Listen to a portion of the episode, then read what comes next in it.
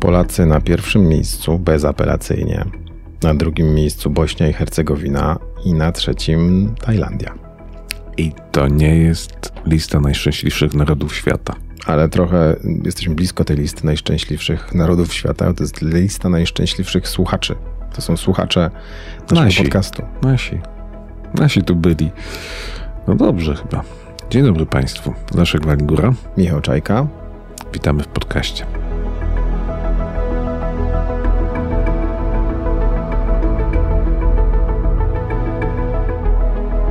Może ja dokończę dalej, kogo tam jeszcze mamy na liście.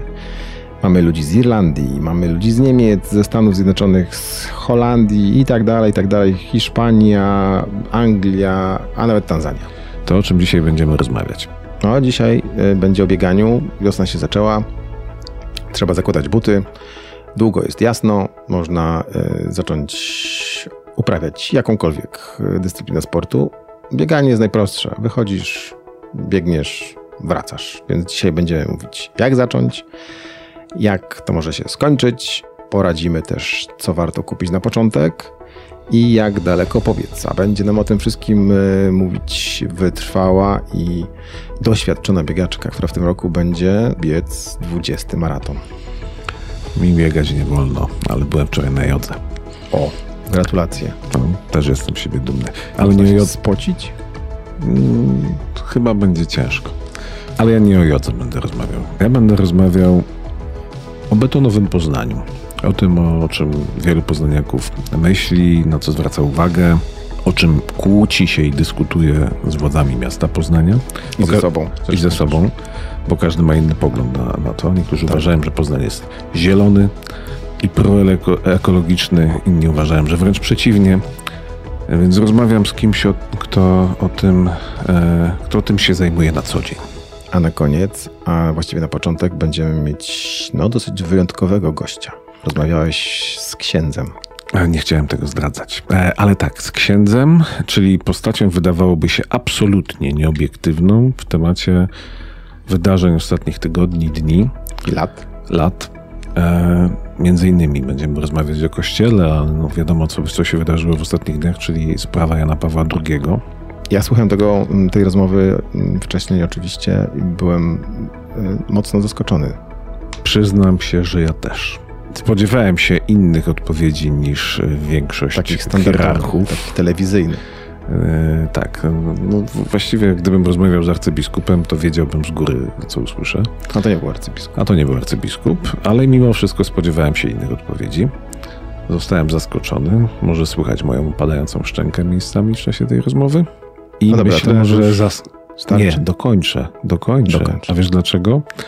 Bo myślę, że jest to rozmowa nie tylko dla tych, którzy wyznają jakąkolwiek religię, a może nawet przede wszystkim dla tych, którzy jej nie wyznają. To na pewno jest rozmowa, w której widać trochę inną e, twarz kościoła. Twarz taką, której na co dzień raczej nie widać. A szkoda. A szkoda, oczywiście. Twoim gościem był? Radek Rakowski, ksiądz Radek Rakowski, proboszcz najdziwniejszej poznańskiej parafii, bo mieszczącej się w bloku duszpasterz katecheta. Zapraszam do wysłuchania od początku do końca. Czy do księdza mówi się ksiądz czy pan? Zależy kto jak y, uważa i z jaką miłością to wypowiada.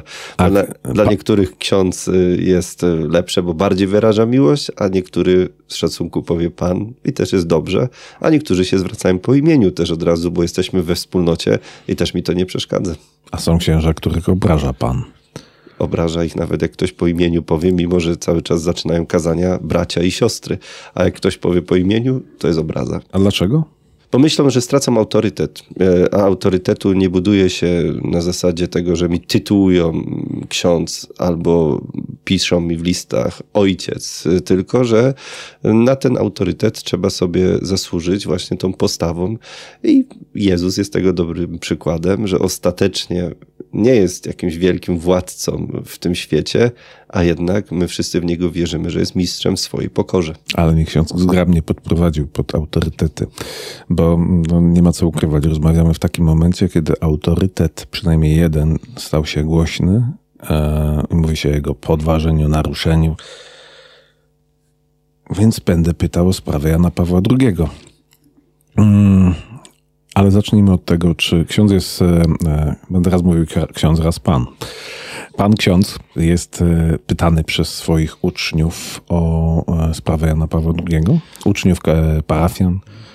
Ostatecznie uczniów, których uczę, którzy się urodzili po 2007 roku, za bardzo nie interesuje ten temat. Oczywiście podpuściłem ich, czy co oni myślą, to musiałem im najpierw wytłumaczyć, na czym polega ten problem, jaka to jest sprawa.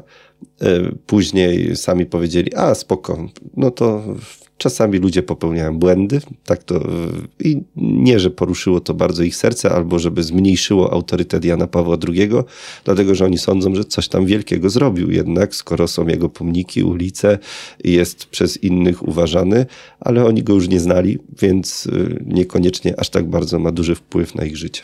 Czyli to jest e, przedmiot troski starszych ludzi? Starszych ludzi, którzy pamiętają pogrzeb, wybór Jana Pawła, tych ludzi, którzy razem z nim żyli.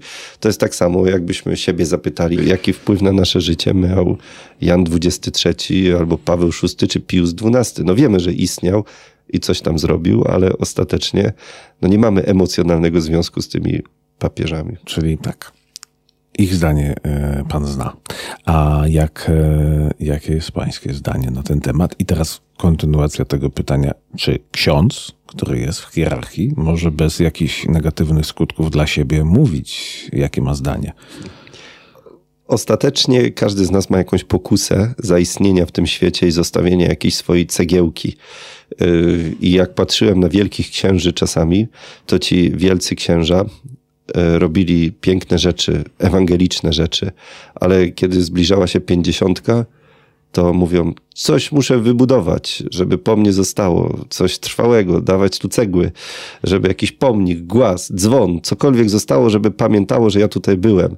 I to niestety nie tylko dotyczy księży, ale z reguły dotyczy to wszystkich ludzi, e, którzy po pięćdziesiątce myślą sobie, że domu nie zostawiłem, majątku nie zostawiłem, co ja dzieciom, przyszłym pokoleniom zostawię. Myślę, że Jan Paweł II właśnie był tym, który nie chciał nic budować, żeby to o nim mówiło. On raczej chciał służyć Chrystusowi i na ile on niknie, a Chrystus jest widoczny, na tyle to jest jego sukces. I jeśli ja sobie patrzę na Jana Pawła II, to myślę sobie, że pewnie był pasterzem dobrym e, i takim samym pasterzem dobrym bym chciał ja być, czyli dawać tym, którzy ze mną żyją, poczucie wolności, prawdy e, i w ten sposób, żeby właśnie odkrywali Jezusa, który staje się ważny w ich życiu. I czy zginie o mnie pamięć za chwilę? Może zginąć, ale dla tych, którzy teraz ze mną żyją i których kocham, zawsze pozostanę ważny. Ale to, to są słowa takie ewangelizujące, powiedziałbym, a trudno ich, ich słuchać trochę w oderwaniu od historii. E, bo sprawy, które się niektórzy mówią, że wyciąga, inni mówią, że fałszuje, inni mówią, że znajdują oparcie w e, historii, faktach i dokumentach, e, dotyczą działalności, która z ewangelizacją to za dużo wspólnego nie miała, tak? No bo chyba nikt w Polsce, nikomu w Polsce nie trzeba dziś mówić, że rozmawiamy o lawinie, która ruszyła po śmierci Jana Pawła II.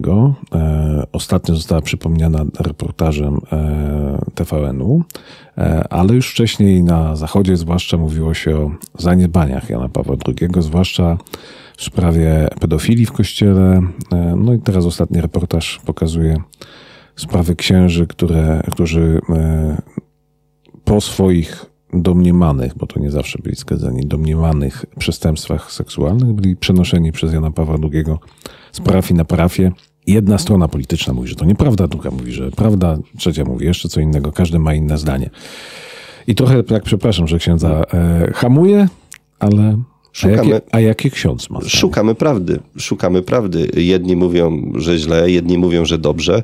Cały czas szukamy prawdy, czyli nie mamy odpowiedzi. To jest tak, jak sobie myślimy o wszystkich ludziach, y, którzy żyli w czasach komunizmu, czy mogli więcej coś zrobić, żebyśmy mieli więcej wolności, czy powinni mniej współpracować z tamtym systemem, czy jak nauczyciele chodzili i uczyli w tamtych czasach, czy oni już wzmacniali ten system, czy jeszcze go nie wzmacniali, czy byli dobrymi nauczycielami, czy złymi.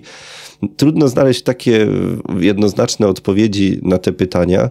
No i tak samo tutaj cały czas szukamy tej drogi prawdy, nie chciałbym być tym, który dzisiaj staje. Nie, na pewno Jan Paweł II nic nie zrobił takiego, albo że na pewno zrobił. Tylko y, zatrzymujemy się, jak tyle lat nam się jeszcze nie udało tych wszystkich spraw załatwić, to próbujemy to i wierzę w intencje jednej i drugiej strony, że są dobre i cały czas szukamy prawdy ze spokojem.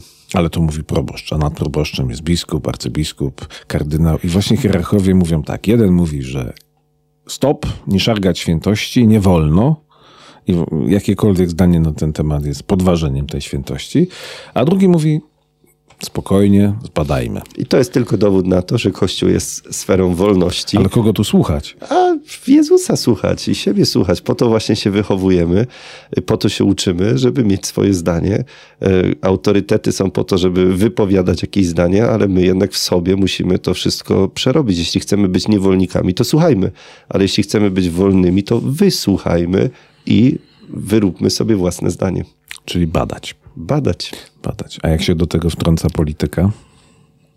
Każdy chce coś ugrać przy tym dla siebie. I tak to już jest w życiu, że ciągle ktoś będzie chciał wygrać e, przy tym i wykorzystać jakiś temat do tego, żeby jakiś mieć swój zysk. No, jest dobro i zło w tym świecie i jakoś musimy sobie w tym wszystkim radzić. Nie możemy komuś zakazać i powiedzieć, nie rób tego. Możemy powiedzieć, jest to niewłaściwe, ale zrób z tym, co chcesz, bo sami chcieliśmy demokracji. Jeśli chcemy demokracji, to każdy może wypowiadać swoje zdanie. Również księża. księża. Również księża powinni mieć wolność wypowiadania swojego zdania. A czy Kościół powinien być rozdzielony od państwa? Całkowicie powinien być Kościół rozdzielony od państwa. Naprawdę nie będzie tutaj teraz jakiś kardynał zabraniał księdzu mówić? Ale takie jest nauczanie Kościoła przecież, nie? I księża i biskupi się z tym zgadzają, nie? Że całkowicie powinien być rozdział Kościoła od państwa. Ale jak mówi to polityk, to jest to bronią przeciwko politykowi w Polsce politycy znowu chcą coś ugrać. E, przy tym my musimy mieć swoją tożsamość i musimy wiedzieć, jak postępujemy, jak żyjemy. E, jako księża mamy pomagać w budowaniu demokracji, mamy wiedzieć właśnie w jaki sposób postępować i żyć. My jesteśmy od głoszenia Ewangelii, a nie od rozwiązywania spraw państwowych. A to, że Kościół nie jest rozdzielony od państwa w Polsce, to komuś pomaga albo szkodzi? Ostatecznie wydaje się, że jest rozdzielony od państwa, tylko niektórzy wykorzystują Kościół albo wykorzystują państwo dla własnych interesów. E, właśnie w tym dbając o demokrację, powinniśmy cały czas szukać dróg takich, gdzie pozostawiamy wolność, nie chcąc wykorzystywać, manipulować drugim człowiekiem, tylko właśnie szukać tej drogi jednoznaczności, że ksiądz nigdy się nie opowiada po żadnej stronie w polityce, tylko zawsze po stronie prawdy i wolności, a polityk zajmuje się dobrymi rozwiązaniami dla społeczeństwa, a nie teraz, że zmusza ludzi do tego, żeby wierzyli w jakąś jedną religię, bo to by było absurdalne. A to tak dobrze brzmi, ale jak przychodzi do stanowienia prawa, to często argumentem w niektórych przepisach e, jest religia. No, chociażby sprawa aborcji czy in vitro. Po to mamy tylu posłów w parlamencie, żeby stanowili to prawo i żeby się zastanawiali wspólnie, i to już jest sumienie tych polityków, czy oni rzeczywiście będą mieli tą nie wiem, solidarność partyjną, że to, co każe przewodniczący, to tak wduszają, czy też nie. E, to już oni muszą w swoich sumieniach rozważyć, czy postępują słusznie według prawa, czy też nie. E, a my przy wyborach głosujemy na tych ludzi i mówimy, tego chcemy, bo jest odważny, tego nie chcemy, bo nie jest odważny. I po prostu musimy mieć my odwagę wybierać ludzi właściwych, my, odważnych. My, czyli a, nie tylko księża. Obywatele, przede wszystkim ci, którzy głosują, a nie, że my wybieramy tych, którzy są popularni, bo się w telewizji pokazują, a później mamy pretensje, że oni źle rządzą i że nie mają odwagi, że jest dziesięciu przodowych polityków, którzy nadają jakiś ton, a reszta tylko w dusza guziki. mówiłem o tych ustawach, bo jednak księża, zwłaszcza ci im wyżej, tym częściej, e, zabierają głos w sprawie stanowienia prawa w Polsce. Czy ksiądz Rakowski zabierał też głos w takich sprawach? Tylko mówimy zawsze o człowieku i o wartościach, jakimi my żyjemy w Kościele, ale na temat ustaw czy jakichś polityków i ich zdania nigdy nie zabierają głosu. I też by, uważam, że konkordat reguluje tą sprawę, że rzeczywiście my nie bierzemy udziału w czynnej polityce i nie mamy wpływu. I jeśli byśmy przestrzegali tego prawa, które jest zapisane, byłoby bardzo dobrze. Zostawmy na chwilę politykę, chociaż ona za chwilę pewnie i tak wróci. Trochę pytałem o tą młodzież. E, dużo jest dzie- e, dzieci, młodzieży, uczniów na lekcjach religii. No, u mnie jest dużo, bo rzeczywiście przychodzi duży procent y, uczniów na lekcje, z czego się bardzo cieszę. No i rozmawiamy o różnych ich problemach życiowych i o tym właśnie, w jaki sposób oni dzisiaj myślą. Dzięki nim się odmładza. U mnie jest dużo, to znaczy, że nigdzie jest mało. No, 80% młodzieży w szkołach średnich w Poznaniu już nie chodzi na lekcje religii, także to jest znaczący procent. Czyli osoba katechety ma znaczenie? wszędzie ma osoba znaczenie. To jest tak, że w parafii ksiądz proboszcz ma znaczenie, biskup ma znaczenie, prezydent ma znaczenie, e, dlatego że jesteśmy tylko ludźmi. Nasze procedury i prawo nie zastąpi tego człowieka charyzmy tego człowieka, ducha i to, co mówiliśmy tutaj na samym początku, że nie samo ustanowienie kogoś proboszczem czy katechetą czyni z niego autorytet, tylko to, jak on się zachowuje, jak on postępuje, czy on potrafi przyciągać ludzi, czy też nie. No, kiedyś było inaczej. Kiedyś osoba księdza czy katechety większego znaczenia nie miała i tak mi było 100% i tak było 100%. Dzisiaj jest internet, każdy może się wypowiadać, każdy może wyrazić swoje zdanie i uczymy młodzież i ludzi do tego, żeby odważnie wyrażali swoje zdanie i to jest konsekwencja tego, że w taki sposób wyrażają to zdanie. Czy to oznacza, że naprawdę czeka nas laicyzacja Polski? Królestwo Boże, o którym hmm. mówił Jezus, pośród nas jest. I teraz, jeśli chcemy wykorzystać Kościół do jakiegoś społecznego życia, to możemy powiedzieć, że rzeczywiście Kościół będzie miał coraz mniejszy wpływ na życie społeczne w kontekście politycznym, ale Kościół, wspólnota, wiara będzie miała wpływ na ten świat, dlatego że będą mieszkali ludzie dobrej woli na tym świecie, żyjący Ewangelią, i oni będą wybaczać, oni będą kochać, i oni będą zapalać ludzi do nowego życia. I w to wierzymy. Że... Ja słyszę teraz właśnie, że tutaj mam naprzeciwko siebie człowieka w koloradce duchownego, którego nie martwi to, że będą być może puste kościoły. Broń Boże, mnie to nie martwi, bo celem naszym nie są pełne kościoły, tylko celem naszym jest miłość wzajemna. I nawet jeśli byłaby mała grupa ludzi w kościele, to i tak wierzę, że oni są w stanie zapalać ten świat do miłości. Nie przez ustawy, ale przez to, jak żyją, że stają się święci i że znają Ewangelię. Stop, stop, za, za słodko. e, to może tak, e, przychodzą ci młodzi ludzie i o co pytają? O czym rozmawiają? O czym chcą rozmawiać? Zmęczeni są młodzi ludzie, dlatego że szkoła jest bardzo wymagająca, system jest stary, pruski, e, w którym jest jakieś ciągle ocenianie, wymaganie, dyscyplinowanie drugiego człowieka. Z jednej strony mówimy im wyrażaj swoją opinię, bądź wolny, myśl, decyduj o swojej płci, decyduj o tym, czy jesteś gejem, lesbijką, a z drugiej strony bądź posłuszny i siedź w ławce, bo dostaniesz uwagę, jedynkę, czyli w ogóle to jest niespójne ze sobą to, co mówimy, a to, co robimy. Ale to, to niektóre, że tak powiem, obozy są spójne w tym, co mówią. czyli, że co? Zabraniają się wyrażać.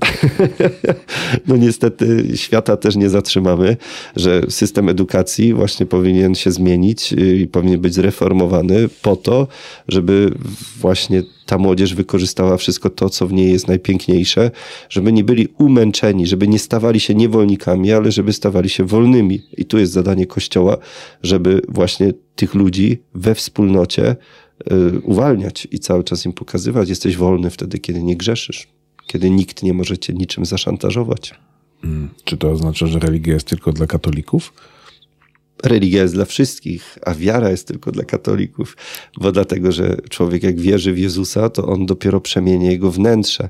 A religia ma aspekt właśnie społeczny, dlatego, że są różne tradycje, zwyczaje, trochę to definiuje też polskość, że ludzie, nie wiem, idą na święconkę, czy e, ubierają choinkę sobie na Boże Narodzenie, jakiś taki opłatek jest właśnie i to tak charakteryzuje Polaków, więc religia myślę jest dla wszystkich, ale wiara jest dla katolików. No ale religia jest dla wszystkich, ale jednak jest wykładana, można powiedzieć, w rycie katolickim, bez patrzenia na inne religie, nawet, nawet e, nie, nie tylko religie niechrześcijańskie, ale nawet e, odłamy chrześcijaństwa raczej są w tej polskiej religijności pomijane. Jeśli jesteśmy w demokratycznym kraju, no to każdy ma prawo ewangelizować tutaj, nawracać, nie? więc protestanci, muzułmanie, buddyści mogą użyć wszystkich środków, jakie tylko mają do tego, żeby namówić ludzi, my wierzymy w to, w co wierzymy, przyjdźcie do nas.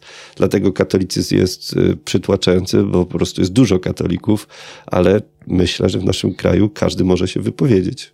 Hmm, nie wiem, czy jest w Polsce gdzieś szkoła, gdzie y, katechetą jest e, muzułmanin. No, ale może jest, nie wiem, nie wiem, nie sprawdzałem. Myślę, że mogliby skorzystać z tego prawa, bo to prawo chyba nie dotyczy tylko katolików, ale wszystkich innych religii zarejestrowanych w Polsce, że jeśli byłaby znacząca liczba uczniów, to wtedy może być nauczyciel od danej religii, on może uczyć. Dobra. Jak wygląda y, lekcja religii księdza? Jest odpoczynkiem lekcja religii. Jest modlitwa? Nie. Nie ma? Czasami uczniowie sami proszą o modlitwę, bo kogoś mama jest chora albo coś ważnego jest, ale modlitwa jest tylko wtedy, kiedy oni poproszą. Kiedy wychodzi to oddolnie. A oni znają modlitwy?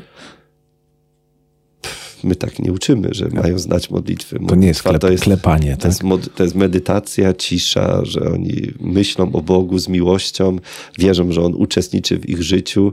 E, to jest tak, że co, mielibyśmy się nauczyć jakiegoś języka rozmawiania z rodzicami? No nie, z rodzicami rozmawiamy normalnie i tak samo z Bogiem rozmawiamy normalnie. Więc modlitwa to jest myśl, która biegnie do Boga, odbija się niejako od Niego i wraca do nas. I jest to relacja między mną i Bogiem w miłości. Bóg nie jest sędzią, ale jest Bogiem bliskim. Jak żyję, takiej lekcji religii nie widziałem. E, my, czyli więcej księży tak prowadzi religię? Odważni księża, którzy rzeczywiście nie boją się, że będą przez kogoś zaatakowani, tak robią. E, I wiedzą, że to dla nich jest ważne, bo sami chcą być wolni, więc dlaczego mieliby uczyć kogoś czegoś, co sami nie lubią. Czytałem ostatnio e, taki artykuł, w którym e, księża anonimowo, ale ewidentnie odważni, mówili o tym, że zupełnie się ta, e, ten język ich rozmija z językiem biskupów, tego starszego pokolenia księży. Mówią, że to, co biskupi piszą w swoich listach do, do parafian, do wiernych, zupełnie nie trafia do tych wiernych, bo mówią językiem, którego ten świat nie rozumie albo nie chce rozumieć, albo w ogóle nie słucha. Ostatecznie y, w tym wszystkim w kościele dla nas wewnętrznie najważniejsza jest miłość wzajemna. Tak jak ja często się nie zgadzam z moim ojcem w jakichś poglądach czy światopoglądzie, tak samo z arcybiskupem moim gondeckim. Nie muszę się zgadzać we wszystkim, dlatego że on ma 74 lata, a ja 37, ale łączy nas miłość. Czyli ja z miłością go słucham, a on z miłością pozwala mi na moje szaleństwa. I myślę, że rzeczywiście to jest coś niesamowitego, że on znosi wszystko to, co ja robię, czyli toleruje moją młodość i fanaberię i to jest jego wielkość, że on nie musi w tym wszystkim uczestniczyć, nie musi tego popierać, ale jeśli toleruje i pozwala mi się wyszaleć, to już jest wielki. Hmm ale nie trafia do młodszego pokolenia ze swoim przekazem. Nie musi. Po to ma nas, młodszych księży, którzy w jego imieniu pracują w szkołach, w parafiach. E, po to oddajemy się mu niejako na służbę i mówimy: W Twoim imieniu będziemy wszędzie tam, e, i on nam błogosławi i pozwala rzeczywiście robić wiele. Nie jest kontrolującym szefem, tylko jest naprawdę wolnościowy. Już nie pamiętam, który z hierarchów, ale w pewnym momencie stało się to popularnym stwierdzeniem, że za e, laicyzację odpowiada e, nie Kościół, tylko media. A to nie jest trochę tak, że księża powinni posypać głowę popiołem i że to oni w pierwszej kolejności odpowiadają za to, czy ludzie wierzą, czy nie wierzą i jak wierzą?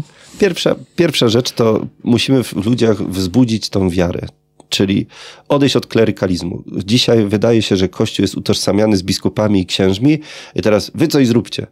Jeśli to są moje wartości, którymi żyję, teraz mówię o świeckich, jeśli jestem ojcem, mężem i żyję wartościami chrześcijańskimi i są one dla mnie ważne, to ja chcę te wartości przekazać swoim dzieciom, ja chcę te wartości przekazać moim przyjaciołom, ludziom, którzy żyją dookoła mnie. I skoro dla nich to są ważne wartości, to oni mogą zmieniać ten kościół, bo wspólnota kościoła jest nie tylko zbudowana z, księżmi, z księży, ale przede wszystkim z tych świeckich. I jeśli my obudzimy w tych ludziach właśnie tą odpowiedzialność i damy im tą wolność, to oni zaczną budować ten kościół od nowa, mówiąc nowym językiem. E, I to się dzieje w naszej parafii na łacinie właśnie. No tak. Najciekawsza parafia w Poznaniu i najmłodsza, tak? Najmłodsza. W bloku. Tak. E, I ona coś zmieniła? Trudno mówić, że coś zmieniła. Na razie działa od września, także to jest e, pół roku. E, ale przede wszystkim widzimy, że nie wszystko wisi tam na mnie, że mimo, że jestem tam sam jako ksiądz, to mam wspaniałych ludzi, którzy razem ze mną współtworzą tą parafię, którzy biorą odpowiedzialność, którzy zastanawiają się, jak głosić Ewangelię, jak kochać drugiego człowieka, jak pomagać drugiemu. I to już jest dużo.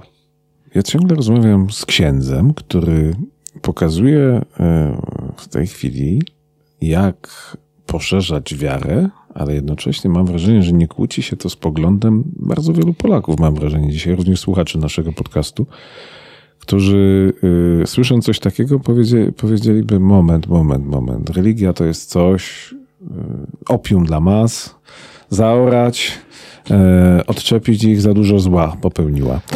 Religia jest czymś wspaniałym, dlatego że y, tak jak w moim życiu, wszystkich przyjaciół, ludzi, wspólnotę, poczucie wartości, wspólne wakacje, wyjazdy, e, wspólne wartości, odkrywanie tego świata, wszystko tego doświadczam w kościele. I Bóg daje mi w tym kościele wszystko to, co najpiękniejsze. E, ale celem naszym nie jest chodzenie na Eucharystię czy odprawianie nabożeństw. Nabożeństwo i Eucharystia jest środkiem do tego, żebyśmy my właśnie wzajemnie siebie kochali, żebyśmy potrafili nadstawiać drugi policzek, znosić jeden drugiego i wybaczać sobie ciągle. Ale można być takim człowiekiem nie wierząc. Trudno być takim, bo po co? Jakbym nie wierzył, to bym chciał miażdżyć tych, którzy są słabsi. No nie, znam wielu ateistów, którzy naprawdę są dobrymi ludźmi. Mogą być.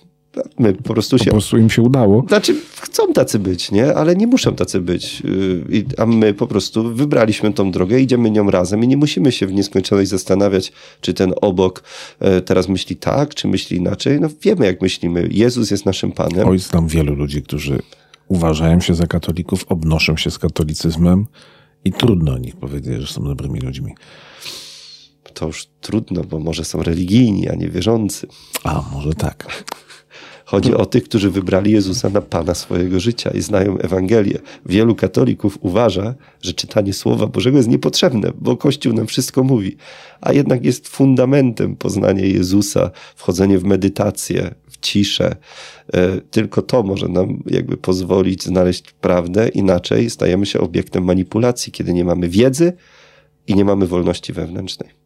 A, to, to znowu do polityki wróciliśmy. E, do wiary, cały czas do wiary. Prędzej czy później, no, no, bo trochę to mi dzisiejszej propagandzie odpowiada.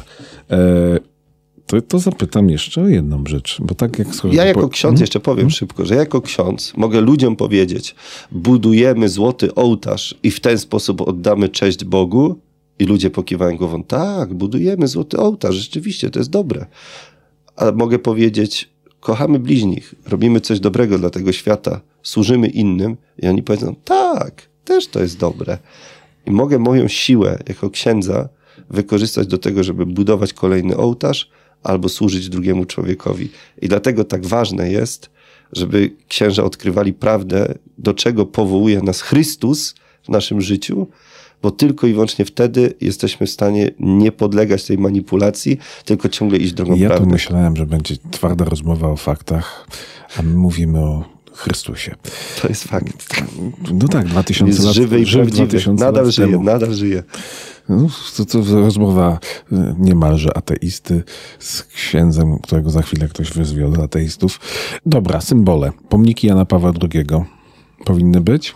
Obojętne. Janowi Pawłowi II zależało na tym, żeby zapisać je w sercach, a, a nie w jak pomnikach. Jest, jak je ktoś zburzy, to będzie świętokradztwo?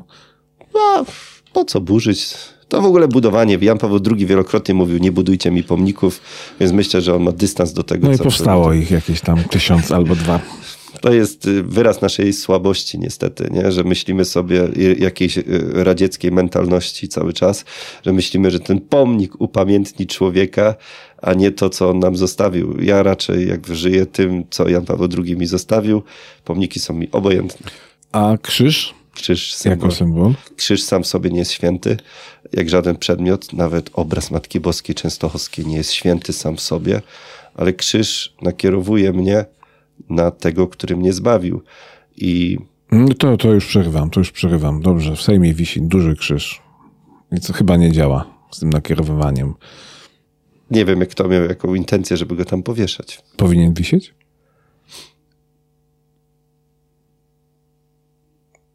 Dobra, dobra. Y, y, tego nie widać na nagraniu.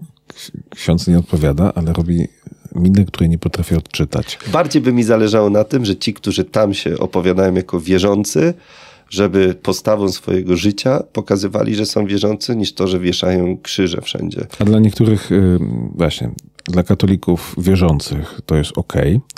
Dla e, polityków nie wiem, co to jest, bo mm, ich tłumaczenie niekoniecznie muszę dawać mu wiarę, a dla niektórych to jest symbol zawłaszczenia przez e, mm, e, nie tyle religię, co przez Kościół jako instytucję, miejsce. Kiedy chrześcijanie, kiedy chrześcijanie zaczną myć nogi i służyć, tak jak Jezus to zostawił nam podczas ostatniej wieczerzy, wstał od stołu, zaczął myć nogi swoim apostołom i pokazał: Ja jestem ostatni, ja jestem pokorny. Jeśli katolicy zaczną taką postawą żyć, nikomu nie będzie przeszkadzało, że taki krzyż wisi, dlatego że będzie to spójne. Jeśli dzisiaj katolicy chcą dominować i chcą rządzić, e, a nie chcą naśladować Jezusa, to ten krzyż denerwuje ludzi. I to jest e, jakby zaprzeczenie wszystkiego, co zostawił nam Jezus. Ja nie wiem, czy ksiądz się nie naraża. Celem moim jest, żebym też został ukrzyżowany, tak jak Jezus. Więc e, jakby muszę mówić prawdę. Chciałem powiedzieć, że i tym optymistycznym akcentem możemy zakończyć, ale może, może to nie był optymistyczny akcent. Nie życzymy tego księdzu. Dziękuję za rozmowę i mam nadzieję, że będziemy mieli jeszcze okazję porozmawiać. Dzięki. Dzięki. Druga rozmowa z Martą Danielewicz, dziennikarką obecnie Gazety Wyborczej ekolożką, tak można chyba powiedzieć, a na pewno specjalistką od ekologii.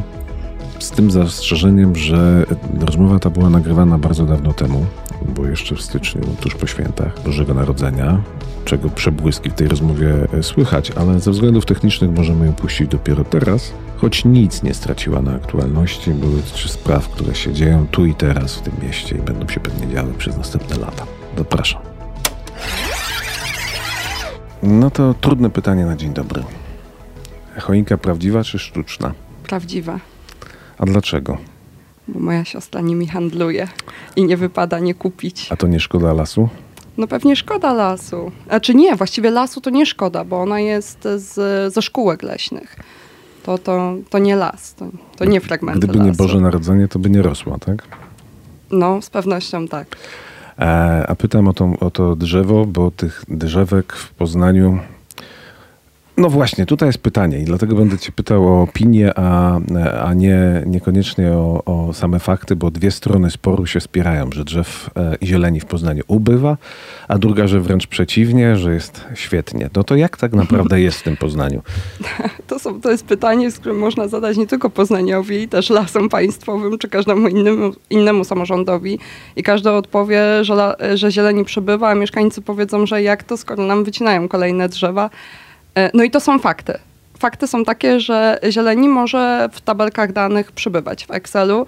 Faktem są też wycinki. No to, to są rzeczy, których nie można podważyć.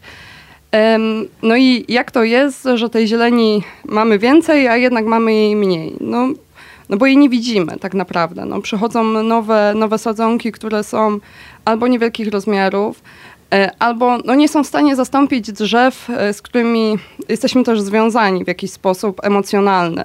Myślę sobie tutaj o tych drzewach, na 27 grudnia, o której jest tak naprawdę w ostatnich miesiącach największa batalia w Poznaniu.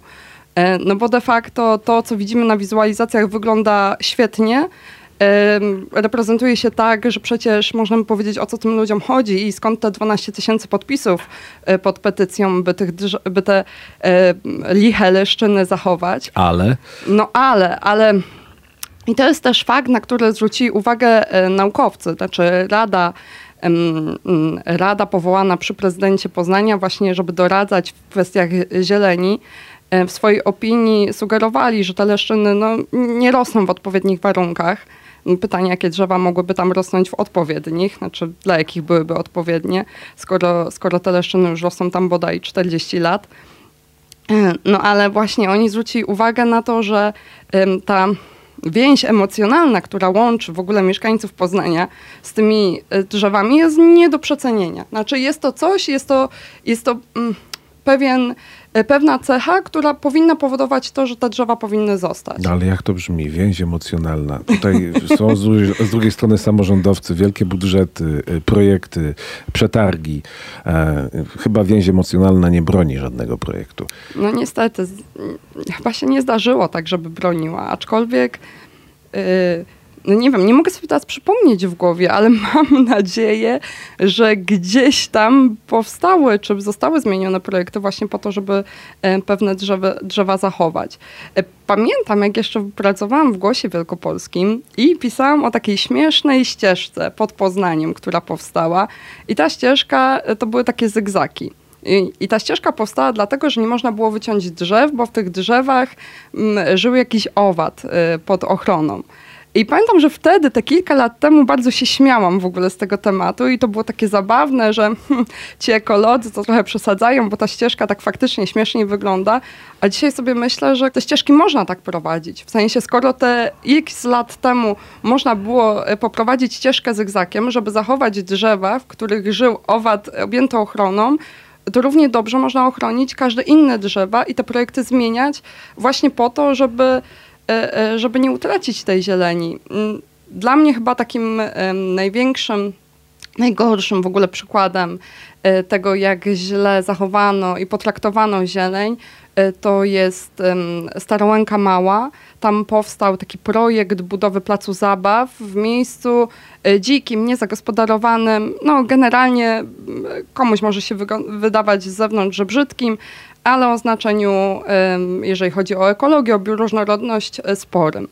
E, no i tam e, też była silna ochrona tych drzew. Niestety wszystkie wycięto, mimo że, że już tam próbowano się dogadywać i, i gdzieś tam miasto obiecywało, że być może te projekty zostaną zmienione. No, ktoś tam, ktoś tam zawalił, no drzewa wycięto i pamiętam, że rozmawiałam wówczas z dendrologami z Uniwersytetu Przyrodniczego i oni powiedzieli mi, znaczy przyznali mi, że, że to jest tak, że często te plany, które tworzymy, mm, to, to projektanci nawet nie odwiedzają tych miejsc, nie? dla których projekty są tworzone. Znaczy, e, tak naprawdę, jeżeli, jeżeli robią to jakieś filmy w ogóle z zewnątrz, no to też nie czułem jakichś e, e, właśnie emocjonalnych powiązań z miejscem. E, nie czują tego, co, co może czuć lokalna społeczność. I bardzo ważne, wydaje mi się, byłoby to, żeby jednak miejsce urzędnicy byli bardziej wrażliwi na te kwestie. To znaczy, żeby nie traktowali tego tylko w kwestiach um, liczb w Excelu, E, tylko właśnie traktowali to trochę szerzej.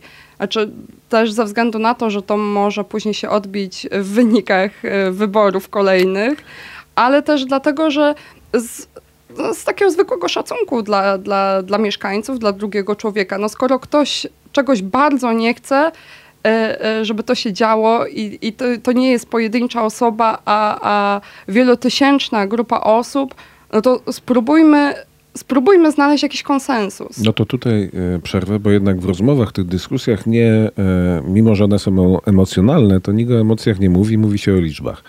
I ten spór już dawno przestał wyglądać, dawne spory, kiedy e, szaleni ekolodzy przywiązywali się do drzew, wszyscy zastanawiali się, co tam im e, szumi w głowach, no nie byli uznawani za normalnych, a z drugiej strony e, stał rząd garniturów, e, który mówił, pukał się w czoło, jak, jaki kryzys klimatyczny, jakie ocieplenie klimatu i tak dalej. Mam wrażenie, że dzisiaj takich ludzi wątpiących e, w e, kryzys klimatyczny jest już coraz mniej, chociaż nadal są, niektórzy się pojawiają wysoko, no ale władze Poznania na, przy, na przykład nie, nie, nie kwestionują tego. Nie, absolutnie. Mamy w ogóle bardzo dobrze wykształconych urzędników od zieleni, tak naprawdę. No i nawet, którzy mówią, że przybywa, mówią o tych procentach, że tutaj 2%, tam 7,5%, tutaj 1500 krzaków zasadzono i tak dalej, i tak dalej. Można rzucać liczbami. A z drugiej strony mamy całe koalicje, koalicja za zieleń i tak dalej, które mówią głośno i wyraźnie, że coś jest nie, nie tak, że Poznań, że betonoza, tak, słowo klucz, że nie idziemy w dobrym kierunku. I do mnie te głosy e, dosyć przemawiają, kiedy, e, kiedy słyszę e, oparcie się w przyszłości, nie, że tu i teraz jest fajnie i zielono, tylko że za 20-30 lat to my musimy mieć tutaj puszczę, bo inaczej się ugotujemy. I, I co, i nikt ich nie słucha? To może przez te emocje. Nie wiem, czy to przez te emocje. Pewnie trochę tak. Pewnie trochę są brani mm, e, e, znowu jako rozemocjonowani ekolodzy, którzy katastrofę, o katastrofie klimatycznej mówią jako o czymś, czymś tragicznym, co, co, co po prostu zrówna, zrówna Ziemię. E, ale prawda jest taka, że ta katastrofa klimatyczna, ona już jest. Znaczy, my ją tak odczuwamy e, stopniowo, nie? Znaczy, e, latem jest nam za gorąco. gotowanie żaby trochę, tak? Dokładnie, tak, tak. tak. To, to tak dostępuje bardzo, bardzo, bardzo powoli. I wydaje nam się, że po prostu dosadzając drzew w donicach e, albo mm, wycinając las pod kolejną e, ścieżkę rowerową, my sprawiamy, że my do tych zmian klimatu się dostosowujemy. Tylko prawda jest taka, że zmiany klimatu, mam wrażenie, znaczy inaczej, my musimy chyba zrozumieć, że nie jesteśmy w stanie dostosować się do zmian klimatu że tak naprawdę człowiek jest czymś, czym, czym, co przeszkadza tak naprawdę w dostosowaniu się. E, gdyby ta natura zostawiła, bo zostawilibyśmy ją dziką i, i, i nieruszoną, to pewnie ona by w jakiś sposób się obroniła. No ale w związku z tym, że już jesteśmy na tym świecie, że te zmiany klimatu wynikają e, z naszej działalności i, i, są wynikiem e, tego, że, że to my produkujemy zbyt dużo gazów cieplarnianych i, i, i CO2, oddajemy do atmosfery, no to, no to musimy znaleźć jakiś taki e, konsensus, taką jakby wspólną drogę w tej katastrofie klimatycznej. By... I chyba każdy widzi go inaczej. Y, tak, i niestety każdy widzi go inaczej, y, a, a, i, i, to jest chyba największy problem. To znaczy, ja nie uważam, żeby władze Poznania y, deprecjonowały fakt, że, że mamy do czynienia z katastrofą klimatyczną, tylko im się wydaje, że to, co na dzisiaj są w stanie zrobić, to jest wystarczające. A ekolodzy w, w, jakby wkładają szpilkę mówią, nie, wy możecie jeszcze więcej. Wy możecie albo coś zostawić, albo możecie coś więcej dosadzić. Przykład, na przykład przebudowa areny. E, to też Koalicja za Zieleń i, i Prawo do Przyrody mocno pro, e, oprotestowały projekt, który powstał w związku z przebudową areny, która by the way jeszcze nie, nie, nie nastąpiła, ale powiedzmy, że nastąpi. Wierzę w to. E, no i wówczas e, e, też władze miasta uznały, że, że to jest takie, że to nie jest okej, okay, że, że, że, te, że te stowarzyszenia się czemuś tam sprzeciwiają, no bo przecież projekt powstał jak najbardziej ekologiczny. Ale okazało się, że dało się dojść do jakiegoś konsensusu, dało się wypracować, dało się zostawić, dosadzić jeszcze więcej drzew, zrobić retencję taka, która powinna być. Więc mm, to jest też taki przykład, że że jednak da się potraktować serio stronę ekologiczną, mm, da się w ogóle podejść z nią do takich uczciwych rozmów. I ja mam wrażenie, że też y, strona społeczna, ekologiczna, ją tak nazywam w skrócie, ale wiadomo, że to nie tylko są ekolodzy, ale też y, różnych innych zawodów osoby, no to oni no mają takie poczucie, trochę żalu do miasta, no bo odbył się poznański panel obywatelski, w którym uczestniczyli. Uczestniczyli um, mieszkańcy wylosowani i, i, i, i, którzy, którzy brali naprawdę czynny udział. Znaczy to nawet e, urzędnicy miejscy e, potwierdzali w rozmowach ze mną, że byli e, w szoku, jak mieszkańcy Poznania są w stanie uczestniczyć w rozmowach na temat ekologii, zmian klimatu, czyli czymś, co wydawałoby się nie wszystkich jest w stanie zagrzać i interesować, ale, ale okazuje się, że to, że to był bardzo dla nich temat ważny. I ja przysłuchiwałam się kilku takim spotkaniom, tym warsztatom takim, e, które były otwarte jakby dla wszystkich, można było podsłuchać, e, co tam, o czym się tam rozmawia. Ja pamiętam, jak jedna z pań właśnie mówiła o zachowaniu e, ogródków działkowych, o, o, tym, że ona by nie chciała, żeby te drzewka e, e, zniknęły e, z, z krajobrazu przed jej blokiem. I to były takie bardzo, bardzo proste rzeczy, na które e, mieszkańcy Poznania zwracali uwagę. No i, i i to jakby dawało nadzieję właśnie takim grupom ekologicznym na to, że, że, że te rozmowy o zieleni, o ekologii, o zmianach klimatu w mieście będą tak traktowane na poważnie. Na, na, na poważnie będzie traktowana strona społeczna. Jest? No nie, no bo, no bo co, co po tym panelu? No właśnie. Wypracowano pewne, pewne, pewne uzgodnienia, y, pewne, pewne zasady, które można by wdrożyć, czy są wdrażane. No właśnie niekoniecznie i z tego rozlicza między innymi miasto, y, Koalicja za Zieleń, Prawo do Przyrody, Klub Przyrodników po, Poznańskich. Kiedyś się spieraliśmy, bo ja sugerowałem, że ciało doradcze nie powinno być ciałem doradczym, tylko decydującym o zieleni w mieście. Ale to nie, to nie rozmowa ze mną, tylko z tobą. Więc może pytanie. Gdybyś, gdyby Marta Danielewicz e, mogła decydować o zmianach dotyczących ekologicznych zmianach, czy zielonych zmianach w Poznaniu, to jaki byłby to ciąg decyzji? Czy może jedna by wystarczyła? Mm, chyba, wydaje mi się, że że właściwie miasto Poznań, ja też to wtedy w tej rozmowie z tobą hmm. podkreślałam, że miasto Poznań ma wszystkie narzędzia do tego, żeby i rozmawiać z, z, grupami ekologicznymi i je wdrażać. No ale co z tego? No właśnie, i czemu tego nie robi? No, jakby to jest kluczowe pytanie w ogóle do, do miasta. Czy y, ja nie znam, y, nie, nie jestem w stanie ci podać gotowej recepty, bo musiałabym wiedzieć, dlaczego to jest blokowane. I, I to jest coś, co jest ponad mną, ponad ciebie, ponad, ponad mieszkańców. E, gdzieś, e, e, nie wiem, czy, czy to wynika e, z jakichś osobistych względów. A może to się nie opłaca po prostu? Być może się to nie opłaca, ale czy opłaca nam się za 15 lat e, grzać się w, w, na, betonowym, e, na betonowym placu? E, albo szukać tych pięciu drzew, pod którym można e, stanąć e, w spokoju i, się, i nie dostać udaru słonecznego. No to śmiała teza teraz będzie. Poprzednim władzom Poznania zarzucano, że chodziły na pasku deweloperów. E, tych deweloperów, którzy sprzedają swoje osiedla, apartamenty zawsze z takimi pięknymi nazwami. E, tutaj zielone coś, tam kasztanowe coś, po, pod lipami, kasztanami, innymi drzewami. A te wszystkie osiedla okazują się e, zestawem betonowych klocków, przy których rośnie mm, trawniczek 2 na 2 i to jest to całe Oj, żeby zielone. był ten trawnik. No jeszcze ze sztucznej trawy powiedzmy. I może to oni mają największy głos w Poznaniu. No, z pewnością. No, mówisz, co się mówiło o, o dawnych władzach no, Poznania. O, może się nie zmieniło nic. O aktualnych mówi się jeszcze gorzej. A jak się mówi o aktualnych władzach? Ja nie słyszałem. A to musiałbyś porozmawiać z ludźmi, ale nie, nie, no poczytaj, y, poczytaj sobie komentarze dotyczące przyszłej zabudowy Sołacza. I ja tu nie mówię o komentarzach ze strony anarchistów, którzy bardzo mocno bronią tych terenów przed większą zabudową. E, e, ale mówię o komentarzach osób, które po prostu na Sołaczu mieszkają też, nie?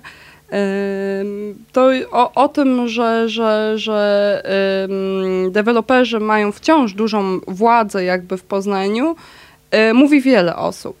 Natomiast chciałabym też powiedzieć, że znajdują się czasami przedsiębiorcy, inwestorzy, deweloperzy, którzy są w stanie coś dać od siebie. Nie? Znaczy nie chcę tutaj reklamować jednej konkretnej firmy, ale tak się składa, że to ona zapoczątkowała w Polsce, w Poznaniu, y, klas, las kieszonkowy, czyli las taki y, składający się z drzew, które, które gdzieś tam porosną właśnie na takim terenie przy należącym do dewelopera. Chociaż to... też widziałem w internecie krytykę tego lasu, że jakieś kikuty z ziemi wystają. No to nie, to krytyka chyba była tego, że miasto poszło później hmm. za ciosem i też robi ten, ten, ten las kieszonkowy, ale to dobrze. A czy te, tych lasów kieszonkowych powinno w powstaniu powstawać jak najwięcej? Bo są badania na temat tego, że, że one mm, że jakby ich udział w ogóle w, w, w, przy, w przyrodzie, w bioróżnorodności Poznaniu jest dosyć duży, tylko musi być ich y, sporo y, w kilku właśnie takich, w kilkunastu, w kilkudziesięciu różnych miejscach, które do tej pory po prostu były albo betonowe, albo kompletnie niezagospodarowane. Nie? Także nie chcę tutaj ani bronić deweloperów, ani mówić, że, że ktoś chodzi na ich pasku, ale no, no prawda jest taka, że, że, że ten biznes z przyrodą mimo wszystko wygrywa. Nie? To, to zresztą Bogdan Chojnicki, klimatolog z Uniwersytetu Przyrodniczego, kiedyś w rozmowie ze mną przyznał, że problemem jest to, że od deweloperów się nie wymaga nie wymaga się tego, żeby tworzyli niecki retencyjne, a później mieszkańcy tych bloków nowo wybudowanych skarżą się, że przy, na tych błyskawicznej powodzi ich e, podziemne parkingi są zalane. No ale są zalane, no bo to wina deweloperów, że nie pomyślał o tym, że, że, e, że miejski, miejska kanalizacja nie jest w stanie, od, burzowa nie jest w stanie odprowadzić takiej ilości wody, która spadnie e, w ciągu pół godziny podczas letnich burz. A tych letnich burz zdaje się jest coraz więcej i, i głównie to właśnie w miastach, no bo przez te tak zwane miejskie wyspy ciepła, one przyciągają te zjawiska e, ekstremalne. A może to jest potrzebna nie dobra wola, tylko zmiana prawa? E, tak.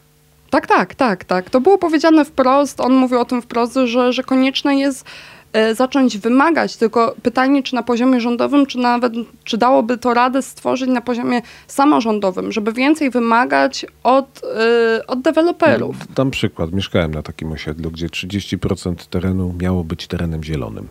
I w myśl przepisów był to teren zielony, bo położono betonową kratkę z przerwami e, wielkości powiedzmy 5 na 5 centymetrów, w których jakieś kępki trawy mogły rosnąć. To był parking.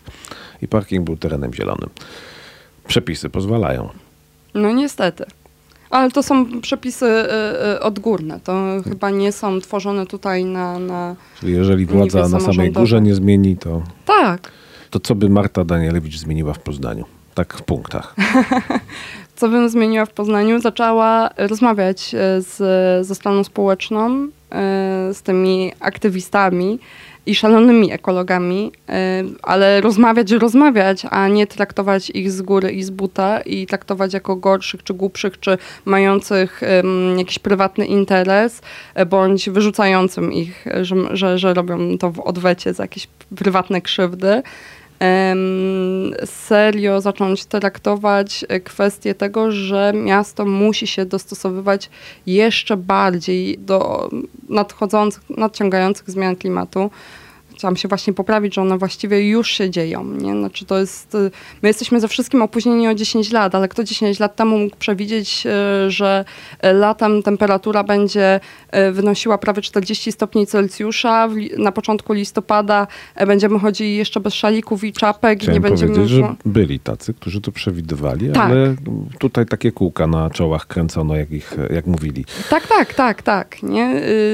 No ale mówię jakby w szerszym kontekście o społeczeństwie, społeczeństwie, nie? Że, jak, że my jako społeczeństwo nie byliśmy w stanie tego przewidzieć, a dzisiaj my już to odczuwamy, widzimy, więc, więc wiemy, że to jest jakby realne. Nie? I, i, I w związku z tym y, ten głos społeczny jest bardzo ważny, żeby go, bo go serio y, traktować, a nie jak y, no, po prostu szalonych idiotów albo zacietrzewionych um, um, aktywistów to, to chyba byłoby pierwsze, co bym przede wszystkim zmieniła. Nie zmieniałabym struktur, czy nie wiem, nie, nie, nie, nie dorzucała kolejnych osób, które miałyby być odpowiedzialne za, za takie kwestie, bo myślę, że te ruchy miasta w sprawie powołania takiej rady, właśnie jak to zrobił prezydent Jaśkowiak, e, czy, czy w ogóle takiego panelu obywatelskiego, e, one były dobre, tylko tylko zróbmy coś z tym. Znaczy, Na teorii się skończyło. Tak, tak, tak. Wykorzystajmy to w praktyce, wykorzystajmy tą wiedzę w praktyce. Nie róbmy wielkich akcji happeningowych z kolejnym sadzeniem drzew e, w miejscu, gdzie i tak już był, był, był teren zielony, tylko, e, e, tylko starajmy się właśnie jakby kolejne przestrzenie miasta mm, odbetonowywać, nawet jeżeli projekt już jest skończony. Znaczy myślę sobie o takim rynku azarskim, gdzie Rada, Rada Osiedla i mieszkańcy pokazują kolejne miejsce, gdzie można by go odburkować. Nie? I to jakby nie ma, nie ma co się obrażać. Znaczy ja rozumiem, że ten projekt powstał w 2015 roku, y, ale trzeba zrozumieć, że on może niekoniecznie już dzisiaj odpowiadać na nasze potrzeby. Znaczy 2015 rok, a 2022 rok dzieje 7 lat, jeżeli dobrze liczę. E, w związku z tym jest to, jest to kawał czasu wbrew pozorom. Nie, nie? patrzeć na pieniądze. Rynek Łazowski kosztował, nie pamiętam ile, ale to było kilkadziesiąt milionów złotych. Tak, znaczy no ale powiedz mi, czy koszt y, zerwania kostki brukowej musi być tak wysoki? czy musimy sprowadzać tam platany, które kosztują bardzo dużo tysięcy złotych? Y, czy możemy na przykład postawić na zieleni niską albo no, spróbować z jakimiś... Platan daje cień jednak. Nie przekreślałbym no tak. tych platanów. No tak, ale musimy na nie poczekać. Znaczy no te 15-letnie, które są sprowadzane, no to jest szansa, że, że, że za kolejne 10-15 lat, no to one już będą całkiem, całkiem sporymi drzewami, o ile oczywiście nie uschną, e, nie zmienią się warunki, e, albo sami ich nie zatrujemy, nie? No bo, bo to też jest kwestia tego, żebyśmy też umiejętnie dbali o zieleń. I to nie tylko dotyczy um, tutaj zarządu zieleni miejskiej czy, czy, zarządu dróg miejskich, bo oni robią to bardzo dobrze. To chodzi na przykład o spółdzielnie mieszkaniowe. E, na nich też powinniśmy wymuszać pewne, pewne rzeczy. Tak samo mówię na deweloperach. No bo później mieszkańcy ma, nie mają pretensji do dewelopera, że źle zaparkował parking, który został zarany. Pretensje mają e, do miasta, że, że, że Aquanet nie jest w stanie obsłużyć e, e, takiej ilości wody. To też nie jest wina miasta. To są w ogóle też błędy z przeszłości, z lat jeszcze 90., kiedy miasta się tak bardzo mocno, 80., 90., kiedy miasta się bardzo mocno rozrastały. Nikt nie myślał o tym, żeby dostosowywać w odpowiedni sposób kanalizację w miastach, no i, i efekt tego mamy taki, że, że są dzisiaj zalewane. I tu już będę musiał ciąć, a jak widzicie mm. Marta Danielewicz może o ekologii długo rozmawiać. E, natomiast e, tak na koniec, e, jest jakaś kwestia, która ci bardzo, jeśli o ekologię chodzi w Poznaniu, leży na sercu, a którą mi zapytałem i chciałabyś powiedzieć? Warta. Warta. Tereny Warty, tak. Tereny Warty, Cypiny Polski. No, rzek. Generalnie tak, tak. Uważam, że, że, że one powinny zostać dzikie. Oj, to ja postawię tu kropkę i chyba jeszcze wrócimy do tej rozmowy. Tak. E, dziękuję e, pani i państwu i zapraszam po więcej. Dziękuję. Do słuchania ostatniej rozmowy w ogóle Państwa nie zachęcam. W ogóle, bo rozmawia dwoje biegaczy. Co jest paskudne, bo jak oni usiądą i zaczną rozmawiać, tak mogą więcej rozmawiać o bieganiu niż biegają, albo więcej biegać niż rozmawiają. Trudno to zrozumieć. I mówię to z pozycji człowieka, który kiedyś biegał, obecnie bardziej się turla niż biega, chociaż bardzo by chciał, tak? Z pewnością bym chciał. Nie powiem, że mi motywacji brak.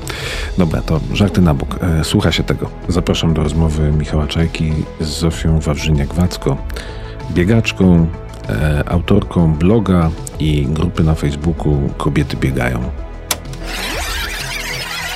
Zaczęła się wiosna. To dobry czas, żeby zacząć biegać? moim zdaniem najlepszy czas, żeby zacząć biegać, bo nie dość, że dzień już robi się coraz dłuższy i nie ma tego, hmm, można powiedzieć, problemu, bo dla mnie to jest zawsze problem, jak dzień zimą jest taki krótki i nie przepadam za bieganiem e, w ciemności cały czas, to tutaj dzień się wydłuża, wcześniej się zaczyna ptaszki śpiewają. No i można zdążyć schudnąć do wakacji. A pff, to swoją drogą, to im wcześniej zaczniemy, tym, tym szybciej to się uda, ale myślę, że wiosna y, jest najlepszym czasem, żeby zacząć biegać. W ogóle trochę się czasy zmieniły, bo y, ja też biegam od kilkunastu lat już i pamiętam, że regularnie mniej więcej w grudniu przestawałem biegać, bo była zima, był śnieg, mhm. był, był mróz, a teraz od ładnych paru lat biega się przez 12 miesięcy w roku.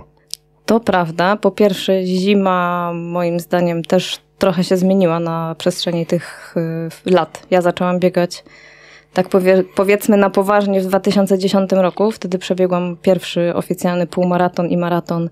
Obydwa biegi oczywiście w Poznaniu. W pierwszym sezonie? Yy, znaczy, nie, nie, nie. Ja już wcześniej biegałam, ale yy, to było takie bardzo nieregularne bieganie. Myślę, że biegałam z 6 lat, ale to było takie naprawdę, czasami były miesiące, że 30 km w miesiącu, także powiedziałabym, że to było bardzo, bardzo takie rekreacyjne. Bardzo, bardzo rekreacyjne.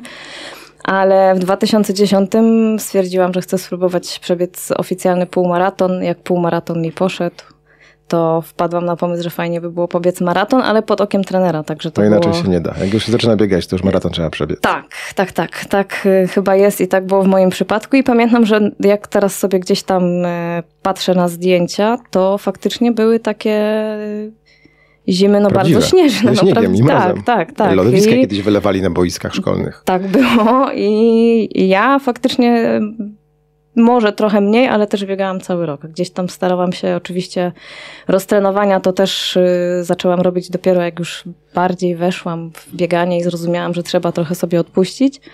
Ale jak już się uwzięłam, to, to cały rok biegałam, także ja... No dobra, nie zaczynajmy o odpuszczaniu, bo to jakby wręcz przeciwnie. Musimy przekonać tak. do tego, żeby jednak zacząć biegać. To prawda. To jak zacząć, żeby nie zrobić sobie krzywdy?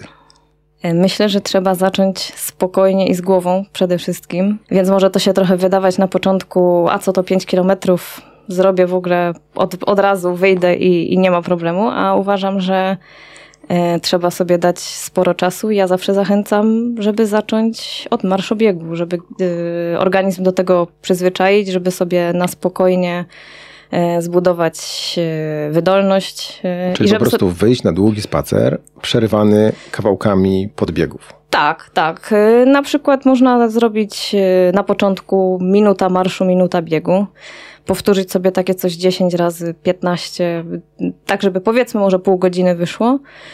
Na początku w ogóle może zaczęłabym w ogóle mm, no, słuchać swojego organizmu. Ja uważam, że to nie tylko na początku, ale jak się cały czas biega, to naprawdę słuchać, bo nasz organizm jest mądry i wysyła sygnały i mówi nam stop, kiedy trzeba stop, powiedzieć stop. Albo kiedy możemy więcej, e, ale myślę, że nie ma się co w tej chwili jakoś, e, może nie wiem, porównywać albo e, robić sobie jakieś takie zbyt wygórowane cele, tylko spokojnie zacząć i organizm sam się potem moim zdaniem będzie już domagał, zrobisz minutę na minutę, potem już minutę, może na albo dwie minuty i minuta marszu.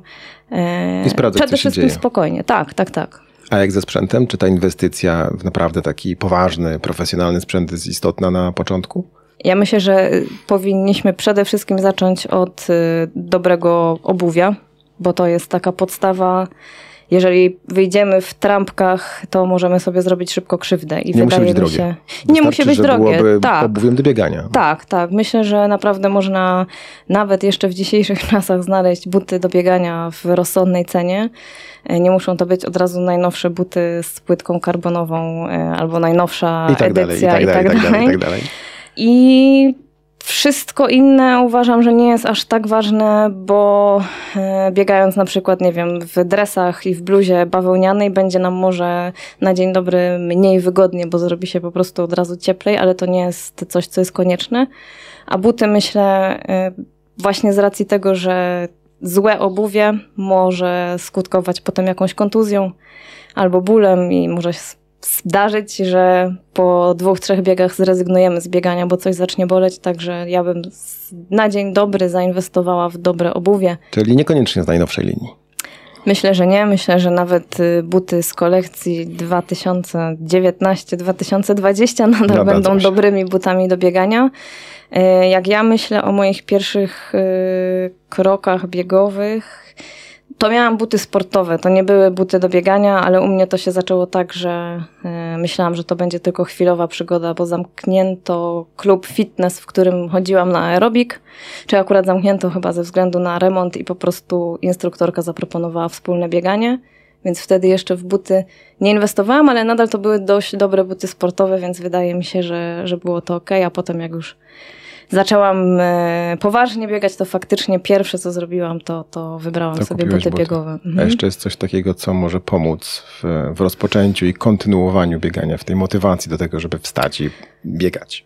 No myślę, że y, jakiś y, nowy strój do biegania albo zegarek biegowy to już są oczywiście trochę droższe rzeczy, ale to zawsze jest też motywacja. Ja na zegarek. przykład tak, bo można sobie zobaczyć ile pokonaliśmy kilometrów, ile spaliliśmy kalorii. To są takie informacje, które na początku może wcale nie są potrzebne, bo tak jak mówię, zaczynając od marszobiegu można mieć po prostu zegarek i, i sobie kontrolować minuty ale y, sama też wiem, jak takie czasami gadżety potrafią gdzieś tam y, zmotywować do wyjścia, że oto dzisiaj może pobiegnę 6 Zegarek, kilometrów. przypominasz, że Zegarek dzisiaj przypomina, nie biegłaś. tak, że rusz się, albo y, nie zrobiłam jeszcze tylu i tylu kroków, to, to się ruszę, bo ja akurat mam taki takie wyzwanie codzienne, że chcę, robię minimum 10 tysięcy kroków i faktycznie czasami się zdarza, co u mnie nie jest trudne. Ja mam psa, więc wychodząc kilka razy na spacer, to nawet w dni niebiegowe te 10 tysięcy kroków bez problemu zrobię. Ale bywało tak, w jakichś takich spokojniejszych dniach, jak zobaczyłam pod koniec, że jeszcze nie ma tych 10 tysięcy, to faktycznie wyszłam jeszcze na chwilę z psem, e, żeby dokręcić, więc każda motywacja do czegoś takiego jest dobra, więc myślę, że... Buty i zegarek załatwiają tak. sprawę. No i mówię, tak jak mówię, ja jako kobieta lubię też y, właśnie jakieś ładne ciuszki, więc to też zawsze zmotywuje. Ty biegasz w wielu, czy działasz też w wielu grupach biegowych. Fajniej zaczynać właśnie w grupie, czy samemu? Myślę, że to jest kwestia trochę indywidualna, bo osoby, które mogą się określić introwertykami, może będą wolały zacząć same, albo osoby, nie wiem, wstydzące się. E, czasami jednak wejście do nowej grupy może być e, trudne. Biegacze nie lubią nowych? Lubią, ale jestem mm, przekonana, ale nie że. No, może to też może być taka trochę e, jakiś strach, że a co jak na przykład nie nadążę. Teraz jest mi już po wielu latach prowadzenia też kobiety biegają, jest mi łatwiej, ale ja pamiętam, że na samym początku e, byłam gdzieś tam mało pewna siebie, szczególnie jak miałam właśnie wejść do jakiejś grupy biegowej. Ja pamiętam, zaczynałam, była taka grupa, e, która biegała dookoła Rusałki to było mała grupa, bardzo jakby zróżnicowane osoby pod względem wiekowym, ale pamiętam, że raz poszłam, nie wiem jak to się stało, że ja ich znalazłam, ale stwierdziłam, że pójdę na, ten, na to spotkanie biegowe. Byłam chyba jedną z najmłodszych osób, było tam też głównie więcej panów, więc oczywiście spanikowałam, że na pewno nie dam rady biec ich tempem i zostanę gdzieś na końcu. Oczywiście wyszło na to, że zrobiliśmy super trening. Dałam z siebie trochę więcej, bo Starałam no, się jednak nie odpuszczać. Ale wyszło bardzo miło i, i gdzieś tam potem e, chodziłam na spotkania biegowe, na przykład na spotkania z nightrunnersami, przede wszystkim zimą, kiedy wolałam nie biegać sama po ciemku. Zawsze to jest bardzo fajna sprawa, że można się czuć bezpieczniej, bo jednak biegamy, czy to akurat nightrunnersi e, robią spotkania biegowe w poniedziałki na Cytadeli, to tam sama bym się bała gdzieś tam biegać wieczorami, nawet dzisiaj muszę powiedzieć, jakby ja tak jestem dość ostrożna. Dzisiaj, kiedy już może uciec spokojnie. Dzisiaj, gdzie mogę uciec, gdzie też bardzo dużo osób biega, bo w 2010 czy 2011, 2012 wydaje mi się, że to już był co prawda powoli ten pik biegowy, ale pamiętam czasy, gdzie faktycznie mało osób biegało. E, teraz można o każdej porze w sumie dnia i nocy gdzieś tam kogoś spotkać, ale uważam, że takie spotkania biegowe yy, oprócz tego, że można poznać nowe osoby, e, wręcz przyjaźnie powstają. To na przykładzie no, naszej, naszej grupy. Skorzystać z rad na pewno też. Można skorzystać z rad, y, można y, dowiedzieć się o, nie wiem, nowych y, właśnie też biegach, o innych grupach. Y, każdy musi jakby e, zdecydować sam, czy woli, czy woli biegać w grupie, ale uważam, że warto próbować, bo można przyjść i stwierdzić, dobra, to nie jest dla mnie, bo to jest jednak nie moje tempo, ja się męczę, albo e, wolę jednak słuchać e, swoich myśli, ale myślę, że jak się tego nie spróbuje, to się nie przekona, co jest fajniejsze. Wszyscy, którzy biegali, spotkali się z kontuzją. Da się ich uniknąć? Myślę, że da się ich uniknąć, ale każdy z nas prędzej czy później pewnie coś mniejszego lub większego będzie miał. E, myślę, że każdy biegacz, który będzie nas tu słuchał, na pewno mm, chociaż raz w swojej, tak, swojej historii biegowej musiał na przykład zrobić krótką przerwę. Co po tej przerwie?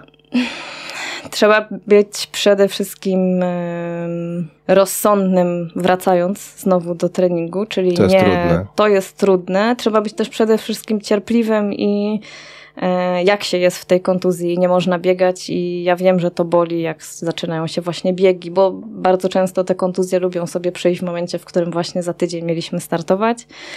To nie jest przyjemne, to jak się już jest y, kolokwialnie mówiąc bardzo wkręconym w bieganie, no to to faktycznie boli, jak y, właśnie stoimy i kibicujemy na półmaratonie, w którym mieliśmy biec i łamać jakiś tam swój rekord życiowy. Tak, to przykre uczucie. Też tam byłem.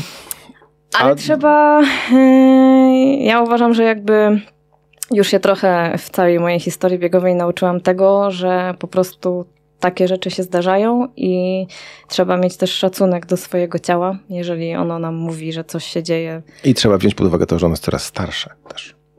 Tak. I takie kontuzje potrafią się pojawiać wtedy częściej, albo może trzeba jakby uszanować to, że właśnie ciało jest trochę starsze i nie jest I już takie. Bieg tak, do dostosować tego, bieg, trening, e, ale uważam, że każda, z każdej kontuzji można też wyciągnąć coś dobrego. Mm, zazwyczaj wtedy ludzie na przykład zaczynają, nie wiem, trening jakiś uzupełniający, albo zaczynają wzmacniać tą część ciała, bo się okazało, że często kontuzje wychodzą z jakiejś po prostu słabości.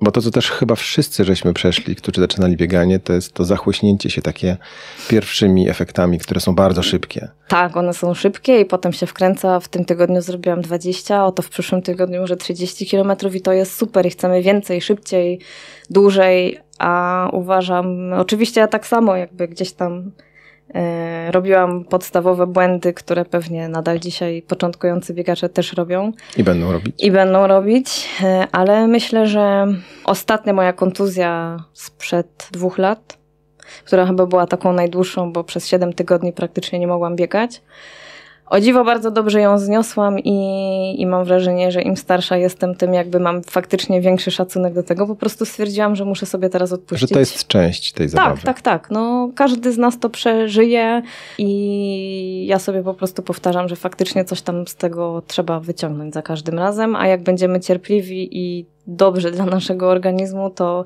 wrócimy i po no nie wiem, dwóch tygodniach, trzech, czterech, pięciu spokojnego treningu naprawdę ten organizm pamięta, mięśnie pamiętają i się wróci bez problemu. Ja po mojej długiej kontuzji e, wystartowałam w półmaratonie poznańskim bez jakiegoś takiego większego treningu, ani też e, patrzenia na zegarek podczas biegu, tylko stwierdziłam, że po prostu to jest e, biegnę i jak dobiegnę do mety, to dobiegnę. Zabrakło mi kilkunastu sekund do życiówki. No właśnie, jak to z tymi życiówkami, że wy, my, wy, my, wszyscy gonią za nimi. No ja to traktuję, ja jestem dość ambitną osobą i po prostu to mi też sprawia yy, radość.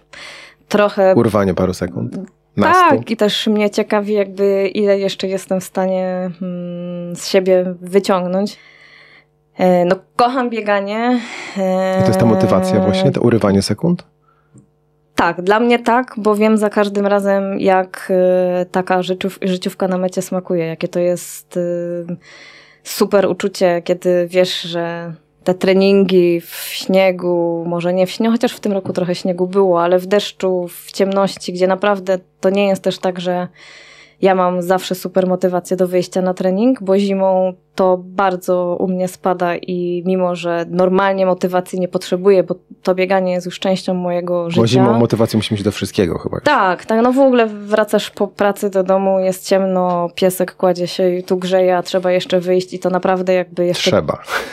No wtedy to jest trochę no trzeba. Wiem, jakby tak, mnie to wiem, boli, że, że muszę tak, tak mówić, tak, ale tak. z drugiej strony wiem, że jak nie wyjdę, to też się gorzej czuję. Jakby faktycznie tak jest. Czasami jak już są takie bardzo, bardzo ciężkie dni, to stwierdzam, że wyjdź na kilometr i jak, nie, jak będzie bardzo źle, to wrócisz. No i wiadomo, że takie rzeczy... A kilometrza się nigdy nie kończy? Nigdy. Chyba, że faktycznie czuję, ostatnio miałam taki, y, czułam się jakoś słabiej i wyszłam na trening i po dwóch kilometrach wróciłam do domu, bo wiedziałam, że to będzie mądrzejsze wrócić, napić się herbaty i położyć spać, bo czułam, że coś tam y, zaczyna mnie atakować. Ja mam na szczęście też biegającego męża, który jest y, niesamowitą dawką motywacji, bo on Wygania jest z domu. bardzo... Idź już, nie zrobiłaś, nie zrobiłaś treningu. Nie, on jest bardzo taki zorganizowany i e, bardzo sumienny i faktycznie jak widzę, że Marcin wychodzi na trening, to nawet jak y, mam taki bardzo kiepski dzień, że mi się nie chce, to po prostu mhm. wychodzimy razem i faktycznie. On poszedł, ja też muszę. Gdyby nie on, to w większości y, takich przypadków, gdzie miewałam zimą ciężki czas i nie chciało mi się wyjść, to może ja bym gdzieś tam coś przesunęła, coś jeszcze posiedziała 15 minut, tu trzeba coś posprzątać, bo potem też tak się dzieje, że ja się zbieram na to bieganie, a Marcin po prostu konkretnie, dobra, ja wychodzę, idziesz czy nie. Okej. Okay. I wtedy idę. tak. Mówiłaś o y, o startach. Możesz się cofnąć do swojego pierwszego biegu i powiedzieć, jakie to było uczucie, jak dobiegłaś do mety z tymi wszystkimi ludźmi, sama? No ja tak naprawdę najbardziej pamiętam właśnie e, mój start w półmaratonie poznańskim w 2010 roku. E, wcześniej oczywiście już startowałam i w innych biegach na piątkę, nawet krótszych, ale mam taki tutaj takie przebłyski. Jakby nie mogę sobie, na przykład nie mogę sobie przypomnieć pierwszego, pierwszego biegu. Takiego zorganizowanego, Takiego zorganizowanego, z metą, z jakby nie, nie wiem dlaczego. Jakoś y, dla mnie ten taki pierwszy faktycznie, który widzę jeszcze przed oczami, to, to jest półmaraton poznański, jeszcze start i meta na Malcie. No to robi niesamowite wrażenie zawsze. Tak, tak, tak. No i e, zrobiłam, tak jak mówię, bardzo dużo błędów. Biegłam na przykład w bawełnianej koszulce, ta, która była w pakiecie startowym i było zimno, bo to było 28 marca, e, więc bawełniany szalik na przykład miałam na szyi, co dzisiaj myślę, żebym się sama, może nie wyśmiała, ale stwierdziła, przecież to jest za gorąco. Pokonałam półmaraton chyba w 2 godziny 28 E, ale to był taki bieg y, na zasadzie, a jak muszę się zatrzymać w Tojtoju, to się zatrzymam, tu na kogoś poczekam e, nie zupełnie. Nie życiówki wtedy jeszcze. Absolutnie nie, nawet nie wiedziałam, e, że coś takiego się potem robi. Dla mnie po prostu było ciekawe, czy dam radę przebiec taki dystans, bo wcześniej na treningu chyba zrobiłam 15 kilometrów, co generalnie jest jakby ok, bo więcej do półmaratonu wcale nie trzeba robić, żeby ten półmaraton przebiec. Taka piętnastka 15, 18 15 wystarczy, żeby zrobić 21. No powiedz, tak. zaczynając teraz, na co możemy mhm. liczyć jesienią? W sensie, czy jesteśmy w stanie przebiec maraton? No na przykład. Da się to zrobić? Da się, ale wydaje mi się, że nie radziłabym robić takich rzeczy. Sama jakby powiedzmy to zrobiłam, że pobiegłam w marcu półmaraton, a w październiku maraton, ale ja już jakby wcześniej biegałam, więc gdzieś tam e, trochę miałam do czynienia z, z tym sportem. To trochę zależy od naszej motywacji. Na pewno bym w takim przypadku skorzystała z pomocy trenera, bo on, myślę, byłby w stanie ułożyć ten trening tak, że przez te pół roku przygotuje nas na przebiegnięcie, bo wydaje mi się, że wtedy nie ma co tam zakładać, że przebiegnę za pół roku maraton poniżej 4 godzin. Teraz trochę tak to jest, że większość osób chciałaby w pierwszym maratonie złamać 4 godziny. E, ja pobiegłam w pierwszym maratonie 5 godzin. Byłam wtedy najdumniejszą osobą w ogóle na świecie, a dzisiaj robię to dumna. prawie dwie godziny szybciej. Dzisiaj, e, dzisiaj bym pewnie miała inne oczekiwania, ale uważam, że jakby debiuty są właśnie po to, żeby nie spinać się na ten czas. Jakby niech trzeba się cieszyć i poznać i zobaczyć, jak to wygląda, żeby nie było absolutnie czegoś takiego, że dobiegasz na mecie w swoim debiucie, jesteś niezadowolony, bo ktoś zrobił szybciej, bo koleżanka pobiegła tak, a... No to jest chyba też nieuniknione niestety. Trochę tak, ale mówię, ja nadal uważam, jak ktoś zaczyna, że debiut to jest debiut i nie powinno się wtedy za bardzo patrzeć na zegarek, tylko po prostu pobiec i się tym biegiem bawić. Czyli co? Zaczynając teraz bieganie, można liczyć na to, że spokojnie te kilkanaście kilometrów jesienią tak, Damy myślę, że półmaraton to jest taka, tak. Półmaraton, półmaraton, dyszka, półmaraton to jest takie y, do zrobienia. Y, myślę, że nawet dość y, spokojnie i rozważnie, rozsądnie. Maraton może nie, może zostawiłabym to na przyszły rok, bo też warto zobaczyć, czy to nas bawi, czy to jest fajne, czy się w tym dobrze czujemy. Ja uważam, że mm, bieganie jest świetne i każdemu radzę, ale jeżeli ktoś się w tym nie czuje, to nie robiłabym tego na siłę. A jak to jest z biegaczami? Da się żyć tak, żeby nie angażować w to bieganie rodziny, znajomych e, i całego świata wokół? Myślę, że ciężko, bo ta radość pobiegowa, jak wracasz i zaczynasz opowiadać o bieganiu, potem właśnie jazdy na starty, to też to już angażujesz rodzinę. Jakby każdy starty są przede wszystkim w weekendy, no to e, zabiera się albo całą rodzinę ze sobą, albo, albo jedzie i dobra, to będę za trzy godziny, jak skończę. I potem się wszystkim opowiada o tym i robi się blogi, na których się pokazuje zdjęcia, jak to tak, biegałam. No, tak, okay. blogi już tak dzisiaj to, to już może nie, ale się śmieję się, że teraz bardziej Instagramy i Facebooki, ale faktycznie wydaje mi się, że jakby ciężko, albo może nie ciężko, ale trzeba, jeżeli jest się w rodzinie tą osobą, która nie biega, to trzeba wziąć pod uwagę, że ten temat będzie jakby często gościł na salonach i albo e, aktywnie w tym uczestniczyć. Można albo fajnie kibicować, bo też e, nie muszą wszyscy biegać, ale uważam, że to jest też świetne, jak się potem e, całe rodziny rozbiegiwują i biegają i dzieciaki, i, i żona, i mąż, i to jakby można się też nawzajem fajnie mm, zachęcić do tego i zarazić bieganiem. To co w, w tym bieganiu jest takiego, że to teraz wszyscy robią, czy chcą robić? No myślę, że te endorfiny pobiegowe, o których się często mówi, to się często gdzieś tam pojawia w gazetach, y, w podcastach, na blogach. W biegaczach przede wszystkim. W biegaczach przede wszystkim, ale faktycznie jakby to się zrozumie się dopiero y, jak się, jak się zacznie biegać, że coś w tym jest, że nawet jak y, ciężko jest wyjść na trening, to po tych kilku kilometrach, trzech, pięciu, dziesięciu, jak się wróci do domu, to zazwyczaj naprawdę ten humor jest dobry. Można pomyśleć o różnych rzeczach, zostawić jakieś tam stresy biegając i yy, no te endorfiny to jest coś, co zrozumie ktoś, kto faktycznie biega i myślę, że one mogą potem e, ten taki runner's high, od którego faktycznie ludzie się też uzależniają, e, to to sprawi, że, że ta motywacja będzie i będziemy chcieli biegać więcej. Świetnie, dziękuję Ci bardzo. Dziękuję. Spotykamy się na trasie. Gdzie biegasz? Głównie Sołacz Rusałka. Sołacz Rusałka. Tak jest. Do zobaczenia. Do zobaczenia. Moim gościem była Zofia Wawrzyniak-Wacko, czyli współtwórczyni bloga i grupy biegowej Kobiety Biegają. Biegaczka, która przybiegła ile maratonów? Jeżeli dobrze pamiętam, to 19. To w tym roku 20. Tak jest. Dziękuję. Na Dziękuję razie. bardzo.